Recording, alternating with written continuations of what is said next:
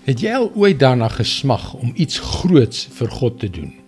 Het jy al gedroom dat hy kragtig deur jou in ander mense se lewens sal werk? Vir baie mense bly dit egter net 'n droom. Hallo, ek is Jockey Gouchee vir Bernie Diamond. En welkom weer by Vars. Enige een wat Jesus liefhet, het daardie drome gehad. Daardie idee dat ons iets magtigs vir hom kan doen iets wat 'n reuse impak op die wêreld en die lewens van diegene rondom ons sal hê. Maar so dikwels kry die daaglikse realiteite en die druk van ons lewens die oorhand oor ons. En net daar verdwyn daardie wonderlike droom. En ons kom met 'n harde slag terug aarde toe. Die probleem met daardie drome is dat ons vanuit die verkeerde perspektief na hulle kyk.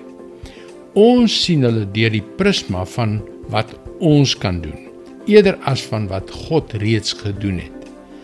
Kyk wat het die Ou Testamentiese profeet Jeremia geskryf. Jeremia 32 vers 17.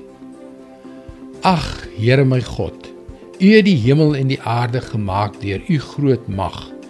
Niks is vir U onmoontlik nie. In 'n tyd toe Israel groot teëspoed gehad het, het God hulle herinner aan wie die groot krag en mag het en vir wie niks onmoontlik is nie. Vanuit ons perspektief lyk grootse werke altyd onmoontlik. Hudson Taylor, die 19de eeuse sendeling na China, het dit eerstehands ervaar. Hy het verskriklike teestand ondervind. Maar uit sy rype ervaring in sy lewe van diens aan God in die vreemde het hy geskryf: Ek het gevind dat daar 3 stadiums in elke groot werk van God is. Eers is dit onmoontlik. Dan is dit moeilik en dan is dit klaar. Daardie grootse werke waarvan ons droom, is nie ons werke nie. Dit is God se werke. Vir hom is daar niks onmoontlik nie. Dis sy woord vars vir jou vandag. Ons het almal aanmoediging en die wysheid van God nodig.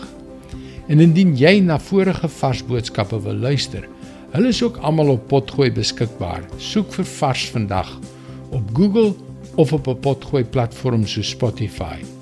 Luister weer môre op jou gunstelingstasie na nog 'n vars boodskap. Mooi loop. Tot môre.